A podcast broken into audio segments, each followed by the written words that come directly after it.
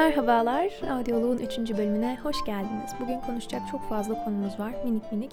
Not almıştım Allah'tan hepsini. Yoksa unuturdum kesin. Çünkü 9 gün olmuş yeni bölüm çekmeyeli. Çekmeyeli derken kaydetmeyeli. Geçtiğimiz günlerde biraz moralim bozuktu. Arkadaşım dediğim birkaç insanın saçma sapan davranışları yüzünden kafam biraz atıktı açıkçası. Bir hayli atıktı. Çok sinirlenmiştim falan filan. Hatta o halimle de aslında bir bölüm kaydetmeye çalıştım ama çok depresif geliyordu kulağa. Başlangıcı en azından. O yüzden istemedim. Şimdi tekrar çekiyorum. Kaydediyorum. Bu arada bu bölüm albüm önermeyeceğim. Onun yerine tek tek şarkılar önereceğim ve linkini bırakacağım. Hepsi benim için gerçekten çok özel, çok güzeller. Onları birazcık sonraya saklıyorum ama. Öncelikle dün olan çok tatlı bir şeyden bahsetmek istiyorum. Optik dersindeydim.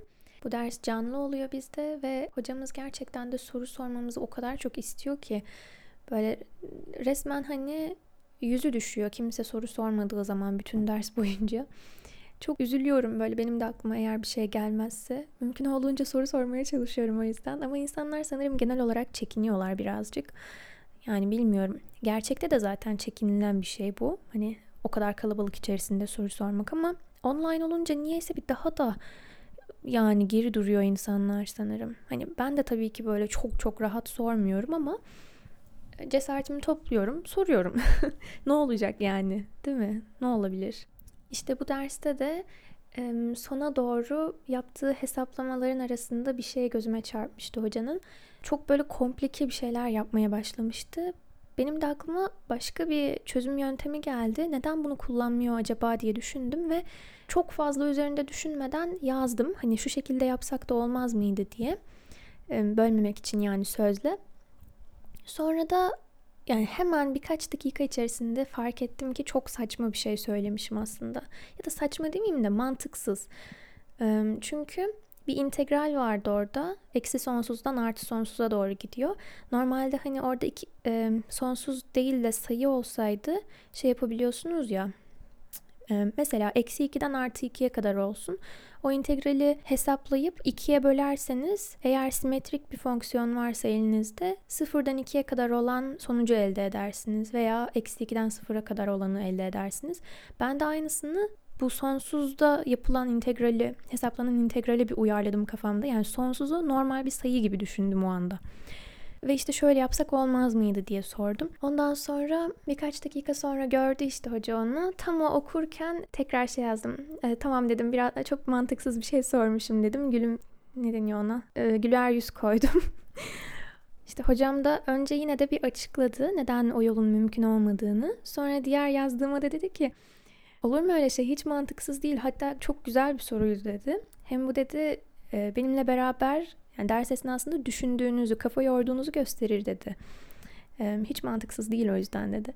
Yani bir hocanın böyle bir tavır sergilemesi bence çok çok kıymetli bir şey, çok güzel bir şey. Hani zaten e, soracağım şeyi küçümsemeyeceğini bildiğim için ben de o kadar rahat sorabilmiştim ama yine de böyle tepki vermesi apayrı beni mutlu etti tabii ki. Yine de sorduğum şey mantıksızdı bence ama demek istediğimi anladınız. Gerçekten böyle hocalar çok kıymetli ya. Keşke herkes böyle olsa. Ama ben bir gün eğer üniversitede hoca olursam ya da herhangi bir şekilde birisine bir şey öğretecek konumda olursam kesinlikle böyle bir yolu izlerim ben de. Böyle davranırım öğrencilerime. Evet, yani bu dün gerçekten beni mutlu eden küçük bir şeydi. Şimdi geçiyorum sıradaki başka bir konuya. Ha bu arada az önce moralimin bozuk olduğunu anlattığım bölümde iki şey daha eklemek istiyordum. Unutmuşum. Bir tanesi ben gerçekten böyle çok sinir olmuş, çok sinirli bir haldeyken artık neredeyse ağlayacaktım. o kadar yani bana ağır gelmişti. Annem tesadüfen geldi odama. Bana bir şey söylemek için gelmiş. Sonra beni öyle gördü. Ee, dedi ki işte bir dışarı çıkalım mı, yürüyelim mi ister misin? Sonra çıktık. Ama dedim ben sadece yürüyerek bu sinirimi atamam şu an. Ve hani genelde bir şekilde ben o sinirimi yatıştırmaya çalışırım. Böyle birisine göstererek veya başka bir şeyde bir şey ne bileyim şiddet uygulayarak falan asla bunu ifade etmem. En fazla hani gıcık bir insana dönüşebilirim insanların arasında. Onları da sinir edebilirim. Ama işte bu sefer gerçekten o öfkemi bir dışa vurmak istedim. Acayip istedim bunu. Hani bir şey yapayım böyle çıksın içimden istedim ya. Ve yapabildiğim en iyi şey bir kağıt alıp o insanları simgeleyen bir şeyler çizip onları böyle sertçe karalamak oldu. Annem de ben bunu yaparken gelmişti zaten. Neyse ondan sonra işte biz dışarı çıktık. Dedim ki ama yürümek beni kesmez şu anda. Ee, anlattım işte bu az önce söylediğim hislerimi. O zaman biz de koşarız dedi. Yani ben belki senin kadar hızlı koşamam ama e, sen koşarsın ben beklerim dedi. o şekilde dışarı çıktık işte. Hava da bu arada çok soğuktu ve geceydi resmen. Ona rağmen hazırlandık çıkıverdik böyle. Sonra biraz işte bunlarla dalga geçtik. Biraz ciddi konuştuk. Sonra bir daha dalga geçtik. Güldük, eğlendik, döndük eve. Gerçekten de çok güzeldi. Ama tabii ki bu öyle hemen geçmedi ve birkaç gün böyle aklımdan hemen çıkmadı. Ve daha önce izlediğim birisinden e, duyduğum bir şey aklıma geldi, bir yöntem. Belki siz de biliyorsunuzdur. İnsanın böyle kafası çok fazla şeyle dolu olduğunda ne bileyim hani bir şeye sinirli olabilirsin, üzgün olabilirsin, başka herhangi bir duygu olabilir. Bunları yazarak ifade etmek de çok çok iyi geliyor gerçekten. Hani ben kendim bunu deneyimledim. Gerçekten çok iyi geliyor. Hiç denemediyseniz mutlaka deneyin bir sonraki öyle anlarınızda. Ama benim o izlediğim kişiden yeni öğrendiğim şey şuydu yöntem. Süre tutuyorsunuz. Diyorsunuz ki 3 dakika boyunca hiç kalemi kaldırmadan daha doğrusu yani hiç durmadan yazacağım. Yani aklına ne, ne gelirse boşaltıyorsun sayfaları öyle düşünün. Dedim ki ben de bir bunu deneyeyim şimdi. Tam sırası yani. Ve bu arada bana o his gelmişti. Hani artık hazırım. Bunları bir yazıp bunlardan kurtulmaya hazırım diye düşündüm, hissettim bir şekilde. Ve yazmanın bana iyi geleceğini de biliyordum bir nevi. Yani bir şekilde biliyordum bunu. Ondan sonra e, ilk başta sadece iki dakika kurdum sanırım. İşte telefonda kurdum yani. E, geceleyin başladım yazmaya. Böyle nasıl hızlı hızlı yazıyorum ama düşündüğüm şeyleri hiç e, kafa yormadan. Ve bunu hani tekrar tekrar tekrar tekrar çok fazla uzattım. Herhalde 35 dakika falan toplamda yazmış olabilirim. Ama hep dediğim hızda ve aralıksız yazdım. Gerçekten de o kadar iyi geldi ki anlatamam size. Yani kesinlikle denemelisiniz. kesinlikle denemelisiniz. Bu da minik bir tavsiye olsun benden. Ben başkasından aldım, size vermiş olayım.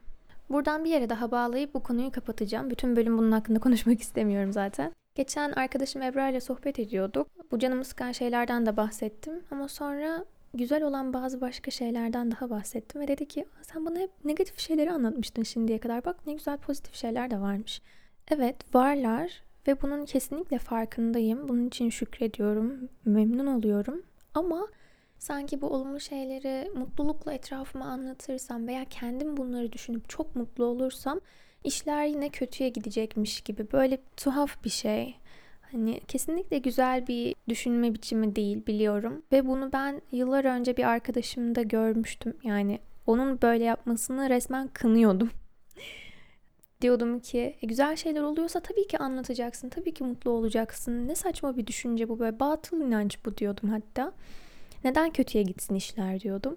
Hani böyle şey gibi nazar değecekmiş gibi. Sanki insanın kendinden bile nazar değermiş gibi. Nazara çok da inanmıyorum bu arada ama yani dediğim şey ona benziyor o yüzden. Aslında nazara inanıyorum ama ah neyse şu an ona girmeyeceğim. Yani bu ama durup dururken olmadı tabii ki. Çünkü dediğim gibi yıllar önce ben tam tersini düşünüyordum ama şu an bir nevi böyle düşünüyorum, böyle yaşıyorum. Bunun sebebi şu ana kadar gerçekten de o tarz birkaç şey olmuş olması. Hani mesela bir insanı tanıdım yeni tanıştım. Diyorum ki ah ne kadar harika bir insan işte. Yani çok güzel vakit geçirdik belki veya çok güzel bir sohbet ettik vesaire. Ama bir süre sonra görüyorum ki ah yani bu muymuş yani böyle gerçek yüzünü görmüş gibi oluyorum falan. Veya bilmiyorum bana öyle denk geliyor. Aslında şu an başka şeyler var mı diye düşündüm. Çok da gelmedi aklıma. Muhtemelen çok da öyle şey olmadı zaten. Hani birkaç insanla yaşadığım şeyi ben kafamda genelledim muhtemelen. Ve hala daha bunun kesinlikle güzel olmadığını savunuyorum ve kendimi de ikna etmeye çalışıyorum.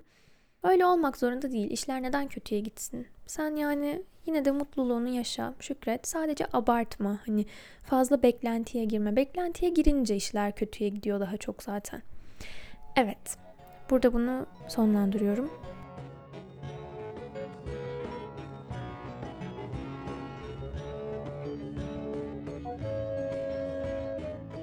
Sonraki başlık. Fransızca öğrenmeye başladım. Aslında gerçekten başlamadım. bir arkadaşım var. Annesi Fransız, babası Alman. Onunla yani tanışıyorduk ama çok fazla vakit geçirmemiştik beraber. Geçenlerde yani yazışıyorduk sürekli ama yani gerçekte çok yüz yüze beraber vakit geçirmemiştik. Geçenlerde dedik ki ya şöyle bir konuşalım, sohbet edelim, birbirimizi tanıyalım falan filan. Öyle FaceTime yaptık. Ve daha önce de zaten yazışırken diller üzerine çok konuşmuştuk. İkimiz de çok ilgiliyiz. Ve o Rusça öğrenmeyi çok istediğini söylemişti. Ben Rusça biliyorum biraz. O da işte Fransızca bildiği için dedim ki sen de bana Fransızca öğret. Ve işte ekran paylaşımı yaptık falan böyle. Ben ona Rusça alfabeyi açtım. Oradan kelimeleri telaf e, pardon harfleri öğrettim. Her harfin içinde bulunduğu bir kelimeyi örnek verdim vesaire vesaire. Böyle işte çok tatlı bir konuşma yaptık. Yalnız ben ona bir şeyler öğretirken çabalıyor ya hani söylemeye, telaffuz etmeye o kelimeleri, harfleri vesaire ama şu ana kadar hiç konuşmamış, fazla maruz da kalmamış bu dile. O yüzden tabii ki çok iyi telaffuz edemiyordu. Ama böyle yaklaştığı zamanlarda bile ben hemen diyordum ki aa harikasın süper oldu falan filan. Ama sıra bana gelince o işi biraz daha ciddiye aldı. Ve gerçekten de ben hani neredeyse mükemmel telaffuz edene kadar bırakmadı resmen. Hani tekrar ettirdi, ettirdi, ettirdi. Hatta o şey bile açtı. Bir yandan OneNote'u açtı. Orada direkt şey yazıyor. Bir harfi yazıyor. Onun altına örnek kelimeler yazıyor. Kelimelerin Almanca anlamını yazıyor falan filan. Biz Almanca sohbet ediyorduk. Ee, işte bir hayli zorlandığımı söyleyebilirim. Çünkü Fransızca şu ana kadar hiç öğrenmedim. En basit şeyleri bile bilmiyordum. Hani bonjour, oui, no falan bunların dışında hiçbir şey bilmiyordum. Sadece e, çok sevdiğim bir Fransız sanatçı vardı. Zaz. Sokak sanatçılığı yapıyordu. Birkaç yıl önce çok fazla dinliyordum ben onu. Şu an çok takip etmiyorum ama. Onun Je veux diye bir şarkısı vardı. Onu söylemek için çok çaba sarf etmiştim gerçekten. Baya baya onu dinleyerek, e, taklit ederek o Fransızca şarkıyı söylemeyi öğrenmiştim. Artık ne kadar iyi söylüyordum bilmiyorum ama. Onun dışında ama hiçbir bilgim yok. Şimdi sadece harfleri öğrendim. Bir de o ne deniyor onlara? Harflerin üzerinde veya altındaki işaretler var ya. Onlar geldiği zaman veya bazı harf kombinasyonları nasıl okunuyor onları öğrendim. Ö sesinin çok baskın olduğunu biliyordum ama gerçekten her yer ö dolu ya. hani dedi ki hatta arkadaşım normalde neredeyse her kelimenin sonunda bir ö varmış gibi okuyormuşsun ama normal hızlı konuşurken o yutuluyormuş. Ama normalde orada bir gizli ö oluyor hep dedi. O tarz bir şey söyledi. Şu an umarım yanlış bir şey söylemiyorumdur ama. Ve hani bazen ben şey yapıyorum. Onun söylediği şeyi taklit ediyorum ya. Bana çok iyi yapmışım gibi geliyor ama o tabii ki fark ediyor olmayan kısımları da. Gerçekten de dilim hiç alışkın değil bu dile ama öğrenmek isterim tabii ki neden olmasın. Özellikle de ben fizik okuyorum ya. Fizik ve matematikte çok fazla e, Fransız bilim insanı ve matematikçiyle karşılaşıyorsunuz. İsimlerini okumayı bir öğrenmek gerekiyor. Yoksa yani komik duruma düşersiniz. Mesela Kushi var ama şey diye yazılıyor. Yani İngilizce okuyacak olsam Kauchi derdim. Ama Kushi diye okunuyor. Ondan sonra Dabu var. O da Darboux diye yazılıyor falan. Şu an Fransızca bilenler dalga geçebilir benimle ama işte gerçekten de hani en azından bazı şeyleri nasıl okuyacağını falan bilmek lazım diye düşünüyorum. Önemli bir mirası var çünkü Fransızcanın. Onun dışında Fransa'yı da ziyaret etmeyi ve böyle tarihini, kültürünü gerçekten öğrenerek orayı gezmeyi çok istiyorum. Hatta bir arkadaşımla bunun hayalini kuruyoruz. Beraber gitmeyi falan filan. Güzel olacak ya inşallah bir gün yapacağız. İnanıyorum. Bu arada ben bir kere gitmiştim Paris'e. Ama çok az gezebildim ve e, bir grupla beraber gitmiştim. Hani yalnız karar vermek mümkün olmuyor tabii ki nereye girip çıkacağına fazla. Ve grupta benim çok istediğim yerlere uğramadı açıkçası. Mesela müzeleri falan gezemedik resmen. Ki o kadar harika müzeler var ki. Hele o doğa neydi adı? Adını unuttum ama Doğa Tarihi Müzesi gibi bir müze vardı sanırım. Evrim Müzesi miydi yoksa öyle bir şeydi. Orayı gezmeyi çok çok isterdim. Onun dışında sanatla alakalı yerleri de. Ama dediğim gibi başka bir zaman inşallah yapacağız bunları. Ve o zaman geldiğinde gerçekten oranın dilini birazcık bilerek gitmiş olmayı çok isterim. Yeri gelmişken bu konudaki düşüncemi de biraz anlatmak istiyorum size. Genel olarak ben insanın gideceği herhangi bir ülkenin yerel dilini birazcık bilerek gitmesini çok destekliyorum. Hani bu fikir çok hoşuma gidiyor benim ve kendim böyle yapmaya çalışıyorum. Henüz çok gezme fırsatım olmadı ama hani böylece gittiğiniz ülkede sadece bir yabancı gibi yani tamam yabancısınız da komple yabancı bir şekilde sadece gözlerinizle bir şeyi inceleyip insanların ne dediğinden hiçbir şey anlamamak veya ne bileyim yazan bir şeyi hiç anlamamak bir tabelayı vesaire. Bunun yerine kulağınız da biraz aşina olsa hatta şu çok çok daha güzel bence. Böyle esnaflarla falan ufak ufak muhabbet edebilir düzeyde olmak. Oranın insanlarıyla da yani bir iletişim kurabilmek. Bu fikir aşırı hoşuma gidiyor.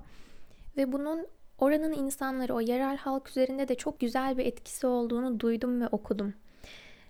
Yani insanlar onların dilini öğrenmek için çaba sarf ettiğinizi görünce böyle bozuk bozuk konuşsanız bile çok hoşlarına gidiyormuş. Çok sempatik buluyorlar bunu. Aslında biz de öyle değil miyiz? Hani Türkiye'ye birisi geldiği zaman yabancı birisi Türkçe konuşmaya çalıştığında falan tatlı gelir bize değil mi? Hani o kadar uğraşmış hani bir şeyler öğrenmek için. Şey de diyebilir yani onlar İngilizce konuşuyordur zaten deyip hiç bakmaya da bilir yani Türkçe bu neymiş falan diye. O yüzden kesinlikle bu çok güzel bir şey bence. Bu bana Fransızca öğreten arkadaşımın da e, buna benzer bir deneyimi olmuş. Daha önce bir kere Tunus'a gitmişler sanırım. Tunus'a ve İsrail'e gittiklerini anlatmıştı tatil için. Ve e, yani Arapçayı da İbraniceyi de hiç okuyamıyormuş. O yüzden tahmin bile edemiyorsun diyor. Çünkü hani ne yazdığını alfabeyi bilmediğin için hiçbir şey okuyamıyorsun bile diyor. Markete gidiyorduk mesela diyor işte ne istediğimi parmağımla göstermek zorunda kalıyordum diyor eğer İngilizce konuşmuyorlarsa.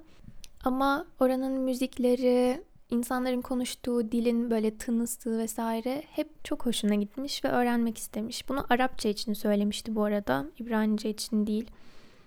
Evet toparlıyorum tekrar. İşte böyle çok tatlı bir sohbetimiz oldu. Yani ilk kez dediğim gibi böyle uzun uzun sohbet etmiştik. Arkadaşım diyor ki böyle ne zaman bir daha yapıyoruz? çok güzeldi.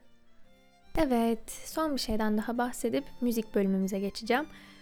Son şey de Barış Özcan'ın 5 milyon aboneye ulaşması. Bir alkışlayalım. Gerçekten de yani bilimden, teknolojiden, sanattan bahseden bir kanalın bu kadar insana ulaşması harika bir şey ülkemizde bence. Yıllardır takip ettiğim ve çok sevdiğim bir kanal olduğu için de epey sahipleniyorum. yani yalan olmasın şu bir yıldır e, eskisi kadar düzenli takip etmedim biraz da popüler bilimle alakalı içeriklerini arttırdığı için sanırım. Hani ben biraz daha rafine içerikleri daha çok seviyordum. Bir sanat eseri üzerine uzun uzun konuştuğu bir şeyleri mesela.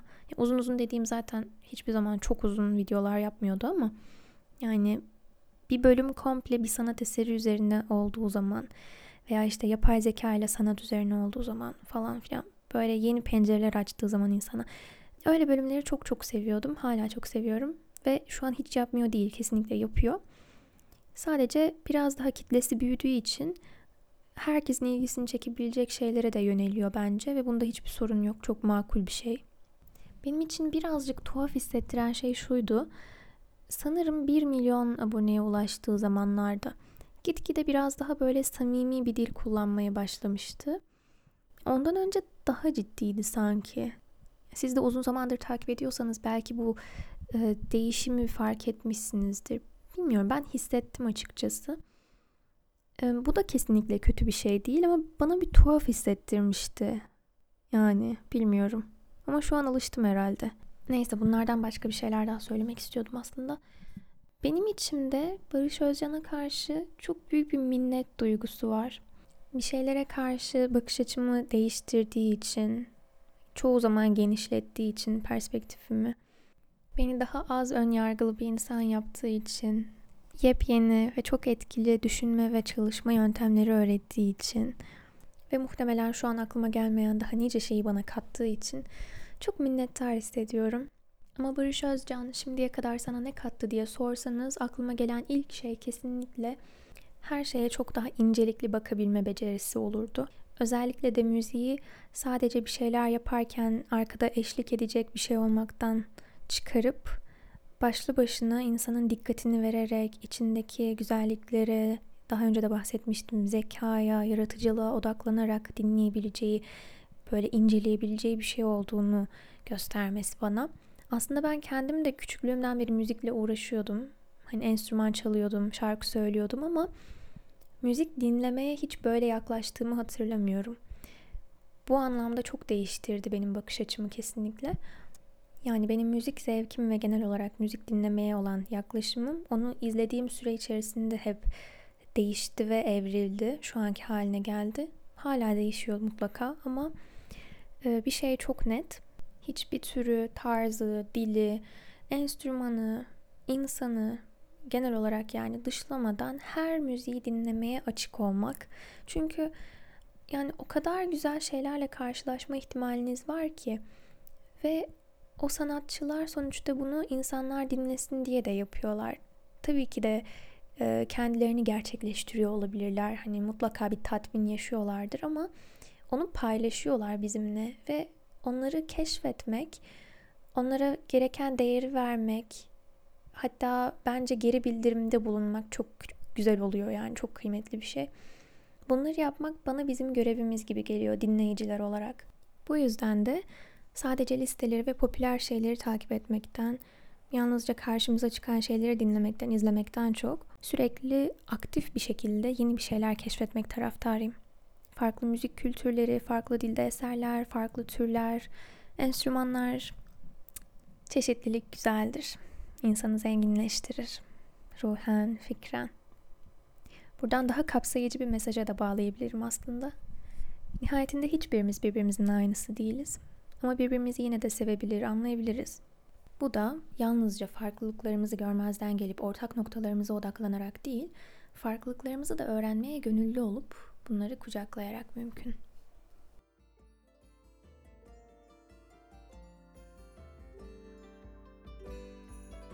Evet, şimdi gelelim müzik paylaşımı bölümümüze. Bu kısım sanırım bütün bölüm içerisinde en sevdiğim kısım her zaman. Henüz yeri tam sabit değil ama bazen başta bazen ortada bazen sonda. En başta eğer sadece birkaç şarkı paylaşacağım demeseydim kendimi tutamayıp bir sürü şey anlatacaktım. Ama öyle dediğim için ve şu an çok da vaktim olmadığı için yine ödev yapmaya gitmem gerekiyor. Birkaç tane paylaşacağım ve üzerine çok konuşmayacağım ama diğer bölümde mutlaka üzerine bunların konuşuruz. Lütfen dinleyip gelin. Bu arada diğer bölümde son zamanlarda, son zamanlarda değil birkaç gün önce aldığım çok benim için önemli ve güzel bir karardan ve bunu nasıl hayata geçirdiğimden bahsedeceğim. Benzer şeylerle ilgilenenleriniz için belki bir ilham olur veya siz bana bir şey önerebilirsiniz. O yüzden çok heyecanlıyım. Onu bir an önce anlatmak istiyorum. Şimdi önereceğim 3 şarkı var sadece. Birinin adı Icarus's Dream. Icarus'un rüyası.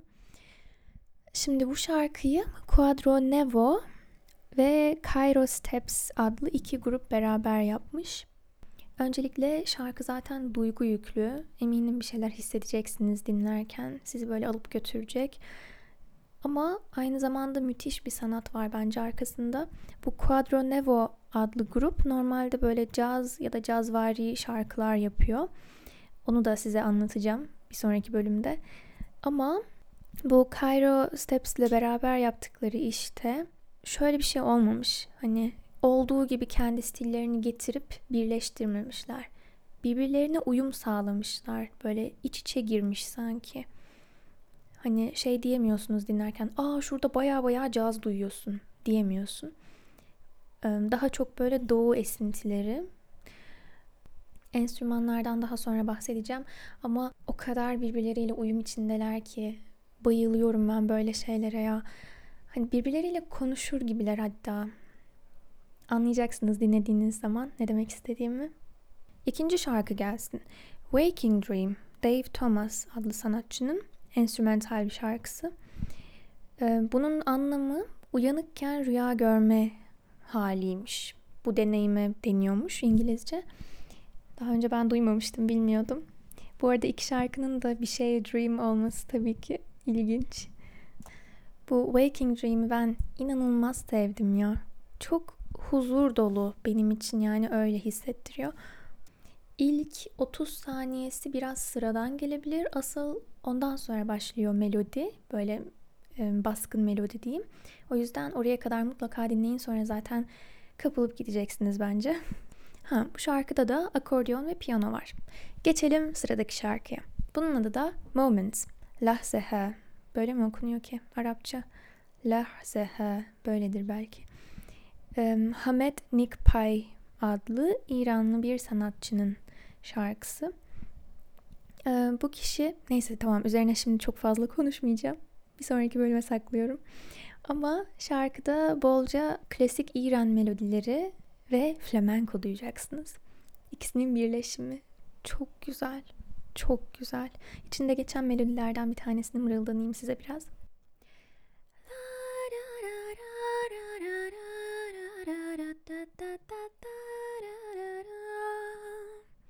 Bu kadar. Bu arada kim ta diye söyler ya. Hay Allah'ım. Neyse. Bu bölümü artık bitiriyoruz. Bir sonrakinde görüşmek üzere. Haberimi bekleyin ya da beklemeyin. Hemen basın dinleyin. Zaten çok yakın bir zamanda yükleyeceğim onu da. Görüşürüz.